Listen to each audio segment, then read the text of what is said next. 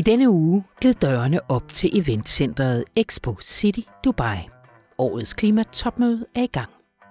70.000 forhandlere, lobbyister, forretningsfolk, aktivister, videnskabsmænd og kvinder, politikere og journalister vil strømme ind af døren i den cremefarvede kuppel.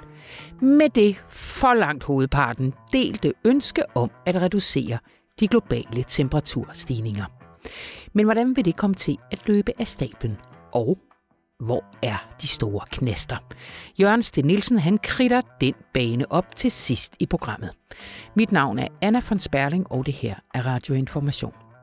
Og fordi Jørgen så beredvilligt tog det allervigtigste, så får Rune lov til at tage det næstvigtigste, som naturligvis er gode film. I den her uge er det den biografaktuelle Priscilla, Sofia Coppolas portræt af Priscilla Presley, der som 14-årig mødte kongen og endte som fange på hans slot, indtil hun sagde, øh, det gider jeg ikke mere, og han sagde, øh, okay. Tror man Rune, og det er der vel egentlig ikke nogen grund til ikke at gøre, så er det en regulær optursfilm. Men først så skal det handle om The Grand Old Man i den højre populisme, som har præget europæisk politik de seneste i hvert fald 20 år, og som i sidste uge ramte sit indtil nu absolute politiske højdepunkt. Og det er selvfølgelig Hollands Geert Wilders. Rigtig hjertelig velkommen til.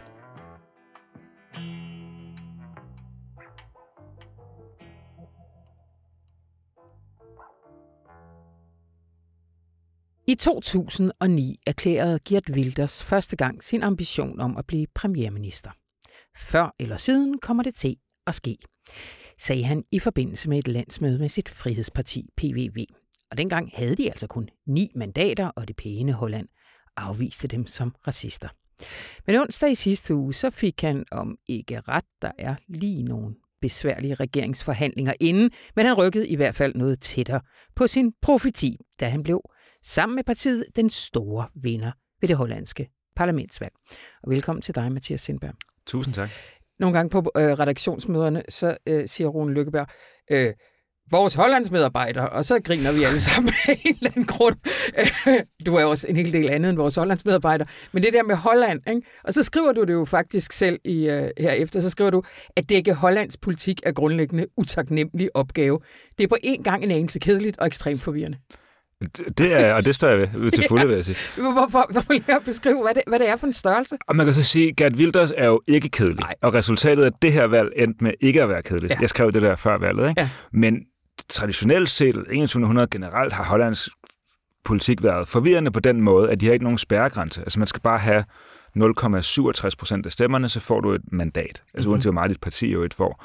Så de har, jeg tror den her gang var der 26 eller 27 partier, der stillede op, og noget sådan 17, 18, 19 stykker, der kommer ind. Ikke? Og de har alle mulige partier. De har et parti, der hedder 50 plus for de gamle, og et for de unge, og de har et for et for sportsentusiaster, og et for, et, et for dyrene, og sådan, altså for alt ja. muligt. Ikke? Ja. Så det er, altså hvis vi ligesom synes, at vi har et lidt kompliceret system med mange partier, koalitionsregeringer og mindretalsregeringer, altså, så er det intet i forhold til hollandsk. Det er ligesom det uoverskuelige.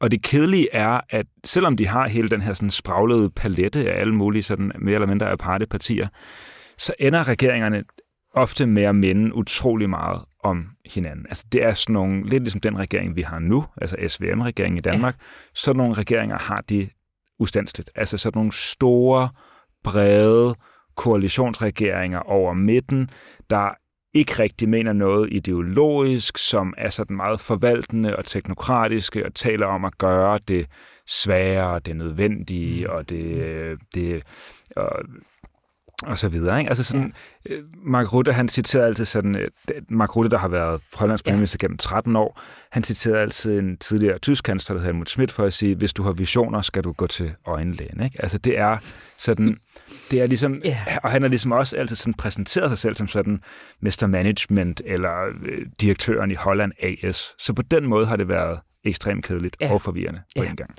Øh, og det har det ikke været på det seneste, fordi øh, sidst du skrev en del om Holland, det var jo i foråret, hvor du var nede og dække de her, det her bundeoprør med BBB, øh, som jo øh, kaldte til oprør mod den grønne omstilling og sådan noget. Øh, og der var det jo helt oplagt, at det var ligesom der, det populistiske modsvar, der ville også øh, ryge ind i, i valgkampen. Det, det blev ikke helt sådan. vil helt klart, at vi tænker, nu har det nærmest i overvis har der været sådan en fight i Holland, hvor at de skal øh, nedbringe udledningen af kvælstof, og det kan man kun gøre ved at begrænse antallet af dyr, altså svin og kør og sådan noget. Ja. Holland er ligesom Danmark et stort landbrugsland. Og det har der været en sådan kæmpe nærmest en kulturkrig omkring, altså hvor der har været et oprør for landet, og der har været 10.000 vis af mennesker, altså af bønder på gaden, og folk, der sympatiserede med bønderne, Øh, og der har været, du ved, brændende halmballer på motorvejen, mm. og politiet har måttet skudt, skyde efter demonstranter. Der har været sådan riots fra det sådan, øh, det landlige Mellemholland.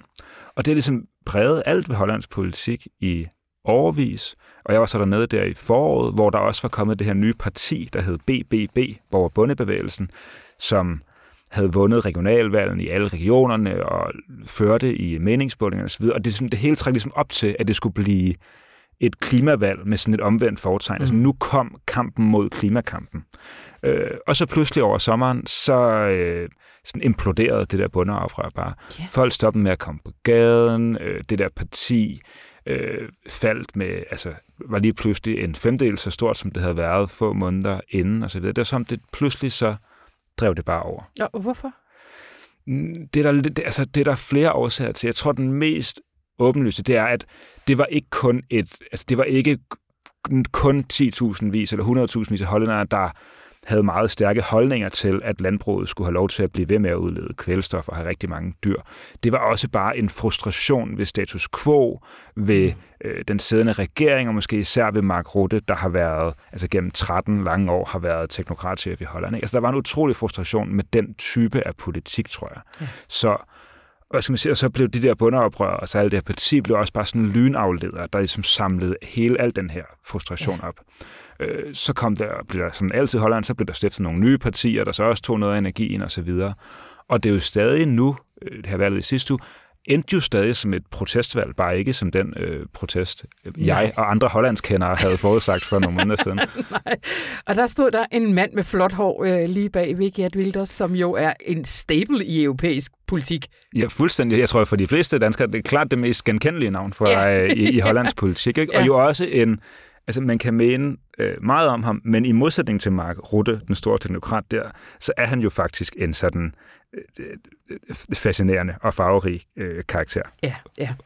Kan du ikke lige give os sådan en, en kort øh, jo, altså, altså Gert Wilders, han er den oprindelige højrepopulist, nærmest ikke engang kun i Holland, men nærmest også i Europa. Altså man kan sige, hvis der de sidste øh, 20-25 år har været to gennemgående figurer og partier i europæisk, i sådan, den nye europæiske højrepopulisme, så er det Pia Kærsgaard og Gert Wilders, så er det Dansk Folkeparti og PVV. Og Gert Wilders taler jo altid meget ofte om, hvor meget han beundrer øh, Dansk Folkeparti, og Pia Kærsgaard, som han kalder Danmarks Margaret Thatcher. Øh, men han, øh, i starten af nullerne, der var han en del af Ruttes parti faktisk, sådan et venstreagtigt øh, centrum-højre-parti, men prøvede så ud, fordi de lagde op til, at de gerne ville have Tyrkiet med i EU. Og der satte han grænsen, og han blev sådan mere og mere øh, islamkritisk. Og så er der en sådan ret monumental begivenhed i hollandsk politik, der er at en filminstruktør, der hedder Theo van Gogh, som havde lavet, det er sådan lidt deres Mohammed-tegningssag.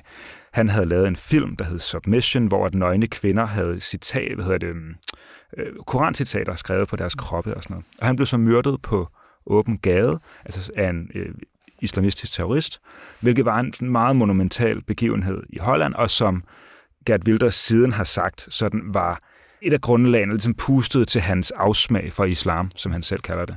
Han siger, at det peger altid på to ting. Dels hans unge år i kibbutz i Israel, og så dels det her mord på Theo van Gogh, som var i 2004. Og kort forinden, der har han brudt ud af det her som Højre Parti, og lidt efter så stifter han så partiet PVV, som altså er øh, sådan højrepopulistisk, sådan klassisk højrepopulistisk pakke, du ved, øh, stærk leder, øh, formulerer altså deres positioner som sådan almindelige menneskers oprør mod en sådan urban, øh, overuddannet, øh, øh, selvgod elite. Men meget markant med Wilders, og også mere markant end Dansk Folkeparti og andre højrepopulistiske partier i Europa, så handlede det helt ekstremt meget om, at islam ligesom var ja. et sådan det alt overskyggende onde i Europa og en monumental trussel mod vores livsform og demokratiet og vestlige værdier, og at man grundlæggende måtte forstå det ikke som en religion, men som en ideologi, der var helt uforenelig med øh, vores type af samfund. Ja. Hvor, hvor ligger han sådan fordelingspolitisk?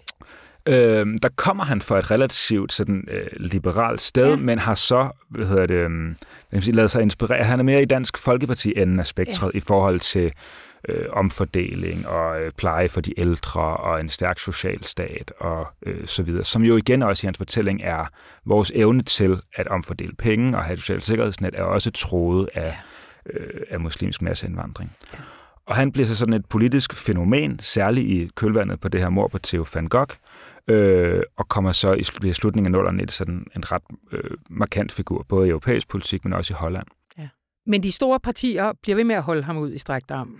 Man kan sige, at fortællingen om ham, det er i 20 år, så er det pæne Holland blevet ved med at sige, at de ting, han siger, er så ekstreme, og han har et udtryk, der er så, sådan, så ekscentrisk. Han er jo sådan en lidt Trump-agtig figur på den måde. Han har så nærmest sådan et latterligt udtryk. Altså han ligner, han har sådan afbladet, øh, tilbageslækket hår, og ligner nærmest sådan en tegneserieskurk eller sådan Det er sådan, man er næsten i tvivl, om man skal sådan øh, grine af ham, eller være dybt foruroliget. Ikke? Altså lidt ligesom Trump, en på en gang sådan latterlig og meget, meget dyster figur. Ikke?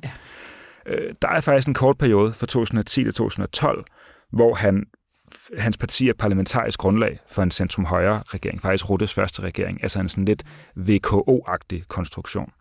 Øh, men den ender med at bryde sammen. Det viser sig ikke at være en stabil konstellation, og han trækker støtten i 2012. Og siden har han nærmest været, har han været sådan relativt meget peger i Hollands politik, øh, og løbende blevet afskrevet. I 2017 var han meget tæt på. Altså, der øh, førte han op til valget, førte han i meningsmålingerne i mange måneder, hvor det blev til at blive det klart største parti. Mm. Øh, han talte selv om, at nu var hans folkelige mandat snart så stærkt, at der måtte komme en revolution, hvis de igen lavede en øh, midterregering for at holde ham ude. Men på selve valgdagen gik han relativt meget tilbage. Øh, han fik kun 13 procent og blev tredje størst. Og efter det, der var igen, altså det er nærmest historien om, det har været, man har været så bange, og så har man sagt, puha, yeah. nu klarede vi den. Det var så tæt på, øh, drejede sådan lettelsen suk, nu har vi endelig sluppet af med ham. Nu må det være toppet. Nu må den her latterlige figur snart forsvinde. Og sådan tænkte man så, og han havde så mm. dårligt valg sidste gang, og nu er han så kommet tilbage og har fået sit bedste valg nogensinde, er, er det største parti, og har altså nu første retten til at forsøge at danne en regering i Holland. Uh, hvad gjorde han i den her valgkamp? Uh... Uh, man kan sige, at nogensinde andre, så han har faktisk modereret sig en hel del i lige præcis den her valgkamp, og ja. først nu, altså efter 20 år. Og det er sjovt, at han altid snakker om det her med, hvor inspireret han er af Dansk Folkeparti, den måde, de har formået at ligesom få deres idéer helt ind i midten af dansk politik. Men han har aldrig rigtig formået sådan at at, at kopiere deres mere sådan afdæmpede stil. Altså hvor du har sådan en Christian Thulsen Dahl-figur, der jo nærmest sådan har Mark Ryttes sådan forvalteragtige udtryk, men der så nogle mere yderliggående holdninger, men som bliver pakket meget ind mm. på sådan med sådan anstændighedens vendinger og sådan noget. Ikke? Ja. Der Mark Rytte, eller hvad hedder det, Gert Wilders, han ser både meget ekscentrisk ud, og taler meget voldsomt. Altså det er både den måde, han taler om islam på, som, altså du ved, øh, som en retarderet ideologi, og sammenligner øh, Koranen med Mein Kampf, men også sådan en lidt Trump-agtig måde at håne sine politiske modstandere på. Ja. Altså, der er en venstrefløjspartiformand, han kalder heksen, og han taler om sådan de venstreorienterede kakelakker, og sådan den måde, han ligesom øh, øh, taler om sine politiske modstandere på. Og en del af de der ting har han skruet meget ned for og pakket lidt væk øh, i den her valgkamp, som ligesom har fået et mere moderat udtryk.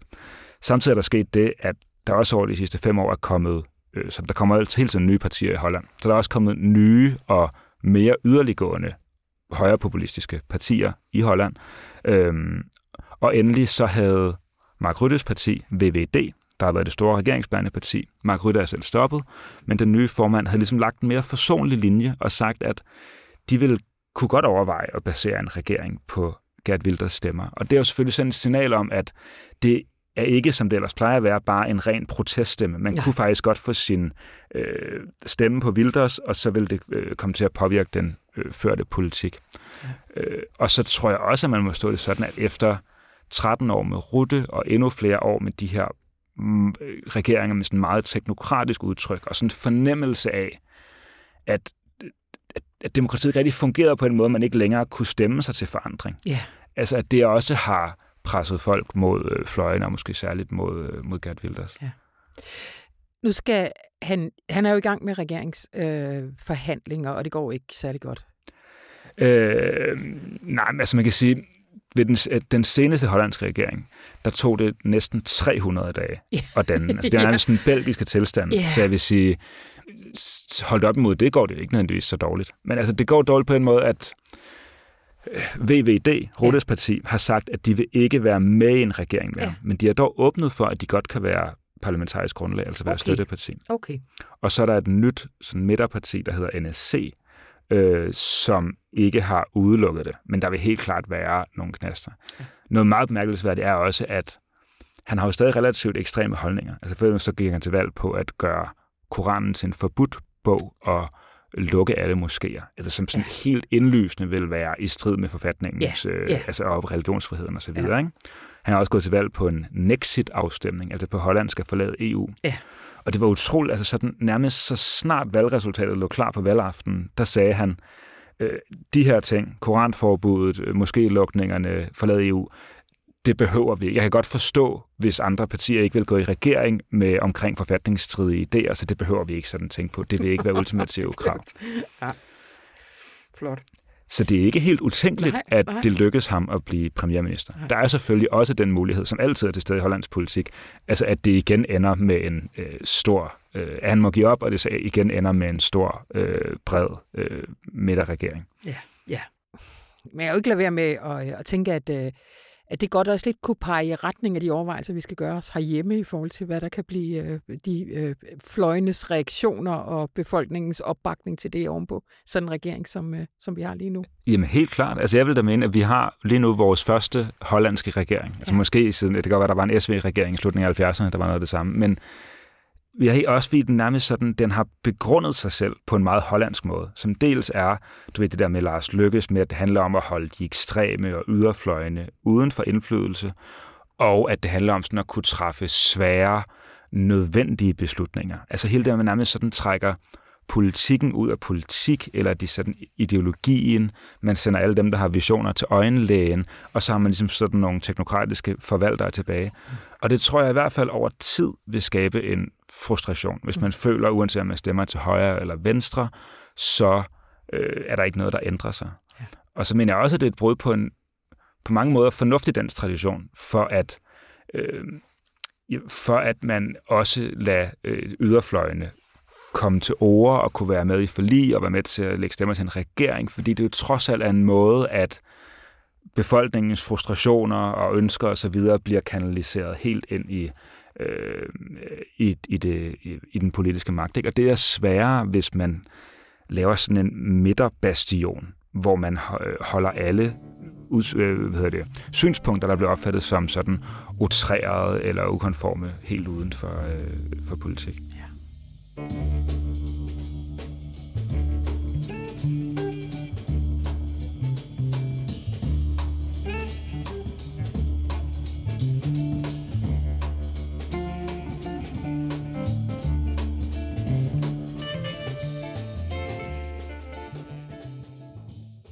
Hej Rune. Hej Anna. Du har set en god film. Rigtig god film. Kom med det. Det er Sofia Coppolas film om Priscilla Presley, der hedder Priscilla, som for det første synes jeg, der er noget helt fantastisk over, at Francis Ford Coppolas datter, Sofia Coppola, mm-hmm. laver en film om Elvis teenagekone Priscilla. At det er ligesom kvindernes tur til at fortælle deres øh, historie. Det mm. synes jeg i sig selv er, er helt fantastisk. Og så kan man sige, har vi brug for flere biopics? Har vi brug for... Nej, det har vi ikke. Nej. Har vi brug for flere film om Elton John og kendte og det ene? Nej, det har vi ikke. Men den her film er, handler om kvinden i det liv. Det er en universel historie om de kvinder, der lever spærret inde på deres slotte, for at der er nogle mænd, der kan være konger. Så det er en universel ledsagehistorie til alle de andre biopics, som er helt fantastisk. Ja, ja. Prøv lige, at, men altså, hvis man nu sad derude, Priscilla, hvad var den nu Priscilla, lige med hende? Øhm, Priscilla Presley var 14 år, da hun mødte Elvis Presley. Ja. Øhm, og øh, de, hun, hendes forældre var udstationeret på en amerikansk militærbase i Tyskland, samtidig med, at Elvis var udstationeret på en amerikansk militærbase i Tyskland. Vi er i slutningen af 50'erne. Elvis er allerede blevet verdensberømt, den store amerikanske stjerne, og hun er som sagt 14 år gammel. Og øh, det har altid været sådan, når man hørte det der med, at hun var 14, fuck hvor klamt. Altså, fuck hvor er Elvis dog klam. Så så, så det, det er ligesom deres... Og Elvis havde jo alle mulige andre kvinder, og var bestemt ikke uskyldig. Så følger vi så, hvordan hun bliver forelsket i, i, i Elvis, og hvordan hendes forældre er meget modstandere af det. Men den her unge kvinde insisterer på sin egen seksualitet. Hun insisterer på sin egen ret til at være kvinde. Øhm, og det vil hendes forældre ikke have, men så bryder hun ud af det, og bliver så kærester med, øh, med, med, med Elvis. Meget på, meget på sådan en øh, junior-senior-agtig øh, façon. Øh, og Elvis på det her tidspunkt er jo den store amerikanske frigører. Det er ham, der, da han svingede med hofterne på tv, så eksploderede det amerikanske seksuelle liv. Altså, han satte den amerikanske krop fri. Det, jeg ikke vidste, må jeg indrømme, det var, at han nægtede at gå i seng med Priscilla. Nå. Han nægtede at tilstå hende den seksualitet, som hun selv krævede. Hun var for ham et uskyldsikon. Og, og hun derimod ville have, ikke da hun var 14, men da hun bliver ældre, 15, 16, 17, 18, 19, hun vil kræve at blive anerkendt som en voksen kvinde med et, med et legitimt begær, og Elvis nægter hende. Han, han vil ikke. Han har alle mulige andre kvinde, kvinder, men hende vil han ikke gå i seng med, fordi hun, ja, fordi hun er et uskyldsikon for mig. Det der det, jeg har aldrig tænkt historien på den måde, at den unge kvinde kræver den anerkendelse, og det ikke er at anerkende det. Nu må man vel holde fast i, at det er Sofia Coppolas øh, øh, udlægning af hendes historie. Men i hvor høj grad har, altså, hvad, hvad, er, hvad er filmens forlæg? Og... Filmens forlæg er Priscillas erindringer, Ja. og Pr- Priscilla har selv været producer på filmen. Den er, jeg har ikke læst erindringsbogen. Der er også lavet en tv-serie over den, men, men, men skulle være meget tæt på, Ja. øh, skulle, skulle, Ja. være, skulle være meget tæt på, på den. Så jeg tror, det er Priscillas egen, egen historie. Ja. Altså, øhm, og det, du ved, gammel mand, jeg havde aldrig tænkt den der. Mm, mm. Altså den der. Og der er jo ligesom, jeg synes, det er en utrolig amerikansk kulturhistorie, fordi USA har altid produceret uskyld og synd på samme tid. Ja. USA er en stor maskine, der producerer uskyld. Det er det, jeg ikke kan fordrage ved Disney. Det er, at Disney er en stor uskylds-produktion. James Baldwin, den sorte amerikanske film, har skrevet rigtig, rigtig godt om, hvordan at på samme tid som USA eksploderede, udvidede sig til hele verden, seksuel frigørelse, kvindefrigørelse, ikke mindst forbrugsfrigørelse, så kommer i 50'erne og 60'erne den her produktion af den amerikanske uskyld. Mm. Billederne af de dydige amerikanske respektable kvinder, billederne af de ordnede forstadsmiljøer, udraderingen mm. af slavehistorien, udraderingen af de hvides kolonialisme og besættelse af de Ah, den der en- dobbelte uskyld. Altså Præcis. Både uskyld, ja, selvfølgelig. Præcis. Ja. Og det har altid været en del af den amerikanske kulturproduktion. Det er, vi giver jer uskyld og frigørelse ja. Ja. på samme tid. Og det er så meget inde i kernen. Her har du Elvis, der er det store mm. ikon, og som ikke vil tilstå mm. hende. Og så er der nogle filmiske ting i den. Sofia var, da hun var meget, da hun var øh, baby, var hun med i den første Godfather-film. Hun var med som, som baby i den første, og var med i de to næste også. Og Godfather-filmene er blevet kritiseret for, at der, at der, der er nogle utrolig mørke scener i. Altså, de der, der er nogle af de der gangsterrum, hvor der er meget, meget lidt lys, og det er de altid blevet kritiseret for. Det Sofia Coppola gør i Priscilla, det er, at Priscilla bliver ligesom en prinsesse, der er spærret inde på Graceland. Og der laver hun enormt mørke rum.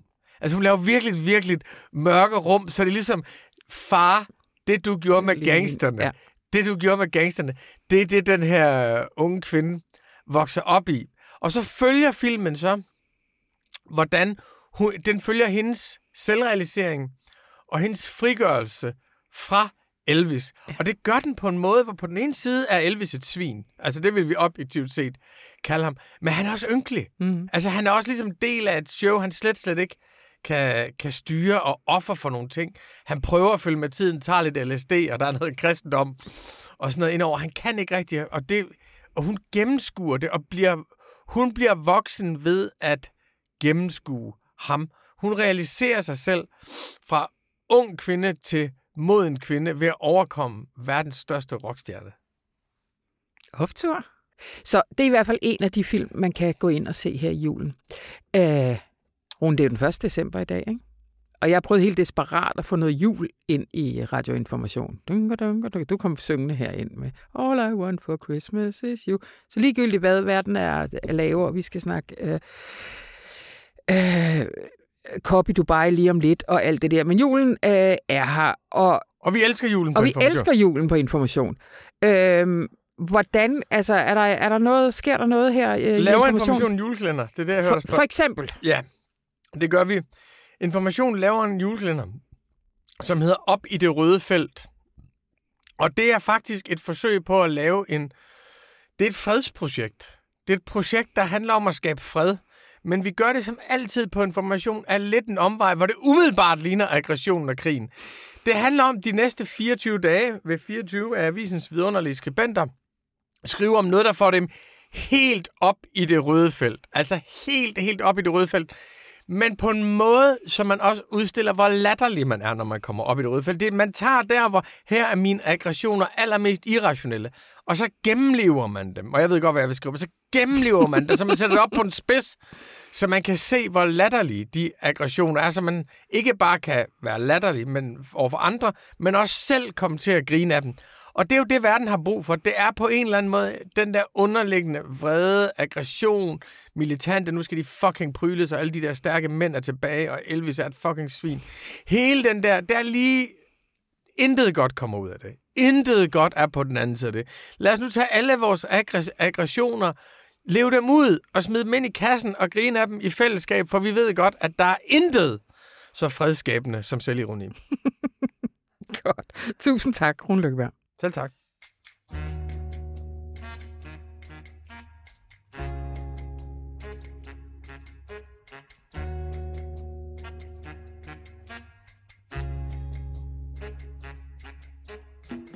Hej Jørgen Sten Nielsen. Hej Anna. Vi sidder her og optager torsdag eftermiddag. Der har været første forhandlingsdag i Koppen øh, i Dubai. Det er rigtigt. Hvad, øh, Lad os lige øh, starte helt ovenfra. Hvordan er sådan en kop opbygget? Hvad, hvad betyder første forhandlingsdag? Det er overvejende en ceremoniel dag, hvor man ligesom hører på nogle taler, og så ved, vedtager man en dagsorden for de to uger, man skal forhandle. Og det er sådan en dag, hvor det godt kan gå galt, hvis nogen begynder at anfægte den dagsorden, som mødes formandskab har foreslået. Ikke? Ja. Øh, det er sket før, at, at stemningen bliver virkelig ødelagt, fordi nogen vil have en anden dagsorden. Øh, I år er det gået glat, og det vidner om, at øh, Emiraterne, som har formandskabet, er enormt godt forberedt. Det, det siger alle, der er tæt på. Så de har ligesom handlet af med dem, der gerne ville ændre på dagsordenen på forhånd, at øh, det var ikke nødvendigt. Så dagsordenen blev vedtaget uden sværslag af nogen art. I modsætning til Ægypten sidste år? Eller ja, det var et af, ja. et af de tilfælde, hvor der har været ballade om, ja. om det. Ikke? Ja. Der har jo været en del snak om det her med, med Emiraternes formandskab. Altså nu er det en af de største olieproducerende øh, lande i verden. Hvordan vil de takle det her? Ja. Og jo også nogle afsløringer af, at øh, de øh, faktisk også skulle lave oliedeals under koppen og sådan noget. Men, men det du siger den her dag, den øh, lægger op, eller viser, at de har lyttet hen ad vejen og faktisk tunet ind efter, efter kritikken? Der er stor spænding om, hvor de lægger sig, når, når de kommer til at, at skulle forhandle om, hvad der skal siges om, om kul, olie og gas. Ja. Det ved vi ikke. Men det er helt tydeligt, at de har gjort sig enormt umage for ikke at lave sådan fodfejl øh, undervejs i forberedelserne, som kunne ødelægge stemningen. Ikke? Ja. De, de har hyret alverdens eksperter og, og tidligere klimaforhandlere til at hjælpe sig med at tilrettelægge processen op til COP28. Og det virker øh, meget ordentligt og tillidsfuldt ind, indtil nu. Ikke? Mm. Øhm, og det spændende bliver så, når man skal diskutere de der hårde ting om, skal vi sætte en slutdato for kul, olie og gas, hvor formandskabet stiller sig. Ikke? Ja. Men de er, indtil nu har de ikke gjort noget, som, som øh, er forkert, kan man sige, under selve mødet. Mm.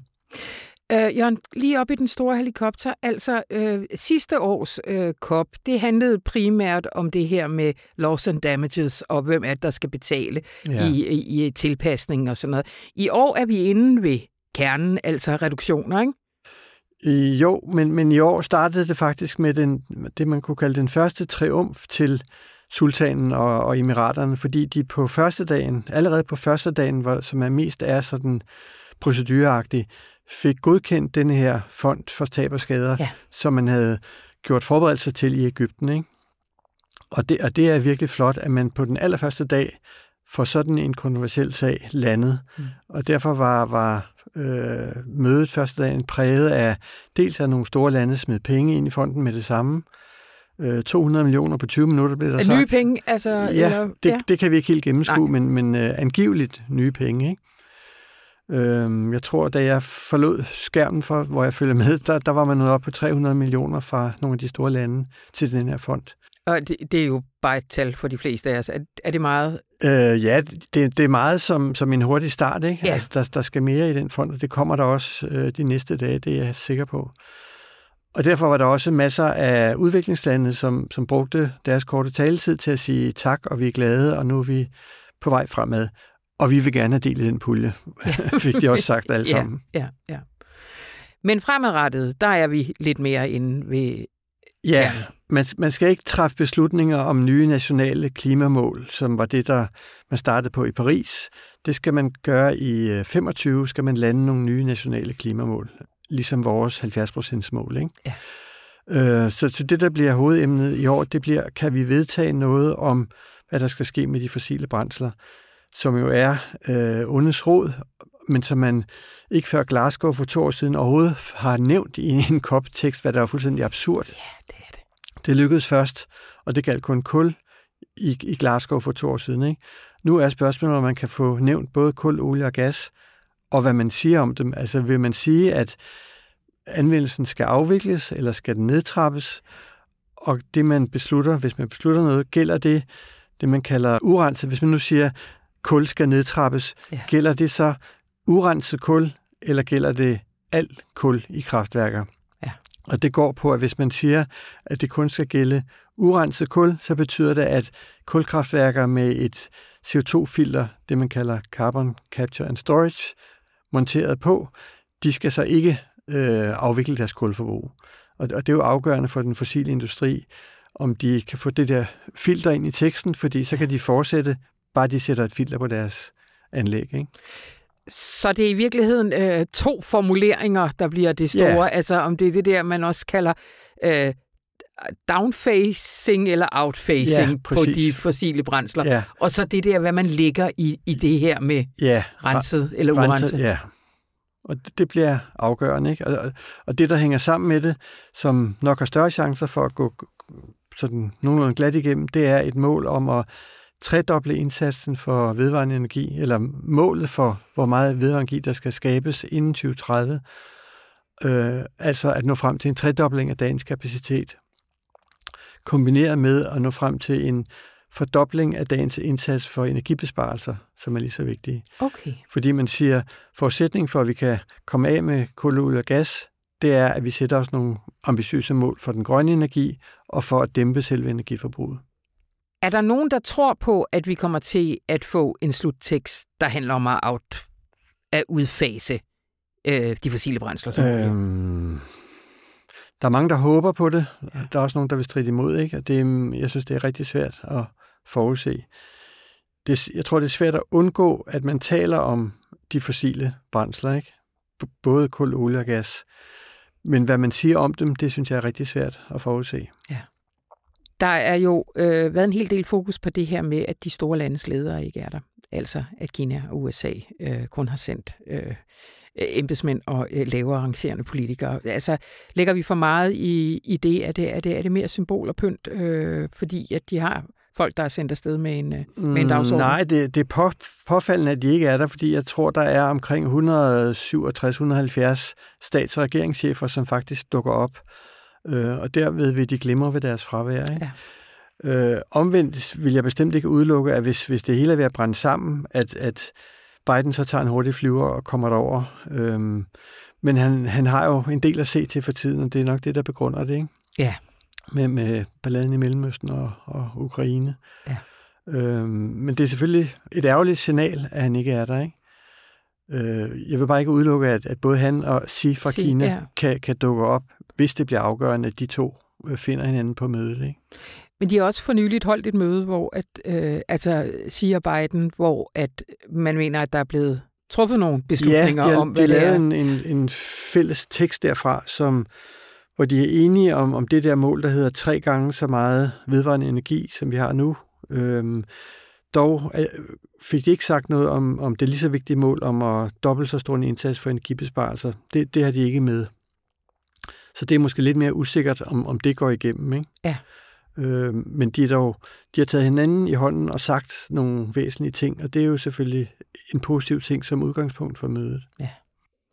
Mødet øh, foregår over to uger. Hvordan, øh, prøv lige at sige, hvad der, hvad der kommer til at, hvordan kommer til at forløbe. Fredag lørdag, der er sådan en, en jeg tror, de kalder det high segment øh, øh, møde, hvor, hvor stats- og regeringschefer fra rigtig mange lande kommer og taler hver i, jeg tror, de har tre minutter.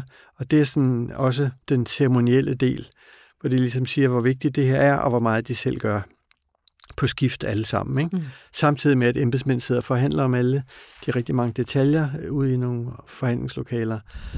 Så rejser de hjem igen, de der statschefer, langt de fleste af dem, og så forhandles der videre ind til, øhm, vi når ind i anden uge, så kommer de tilbage, de der statsregeringschefer, dem af dem, der vil, og overtager fra deres embedsmænd, fordi nu nærmer man sig målstregen og de, de svære forhandlinger, der skal, der skal afsluttes. Ikke? Så den aller sidste fase er det typiske øh, statsledere, eller hvem de nu vælger mm. at, at sende. Ikke? Øh, og ved vi noget om, hvordan Danmark er, er repræsenteret der? Vi er repræsenteret med statsministeren og med, øh, med Dan Jørgensen, vores ja. globale klimaminister. Som man kan læse et interview med i dagens avis. Det kan man nemlig. Kan man nemlig. Og Jørgen, øh, to ord om, hvordan man kan læse om koppen på information. Jamen, vi har øh, et, et hold, som består af Maria, Marie Sæl, som tager der ned og er der i anden uge af, af koppen. Mm. Og så er vi, og det gør hun sammen med vores fotograf Maria, mm. og så er vi to herhjemme, Otto Lærke og mig, som øh, følger det hjemmefra, og ja. det vil sige, at vi tre lægger en daglig plan og prøver at holde læserne opdateret. Er det noget med, der også er en blog? Ja, fordi der sker så meget, yeah. som vi ikke kan få afløb for, ja. så indimellem... Så det, kast... det er det, du skal blære dig med. Du har, fået, du har en blog her. det er rigtigt. Jeg har ikke prøvet den endnu. okay. Men der, der kaster vi hurtige, øh, korte ting ind, når vi får øje på dem, fordi der sker så frygtelig meget på, på det møde. Godt. Og øh, vi tales i hvert fald ved på den ene eller anden måde næste uge, fordi der ved vi meget mere. Det gør vi. Tusind tak, Jørgen Stenil. Selv tak. Og det var, hvad vi havde valgt fra denne uges programmer. Gå ind på information.dk og find mange, mange flere. Og så er det jo altså også sådan, at hvis du kunne have lyst, så må du gerne efterlade øh, et par hvad er det, stjerner eller hjerter, eller hvad det nu er, der hvor du henter din podcast eller en anmeldelse, eller hvad du nu gør. Mit navn det er Anna von Sperling, og det her program det var klippet og gjort så fint af Rune Spar Gertsen, og jeg ønsker dig en rigtig god weekend.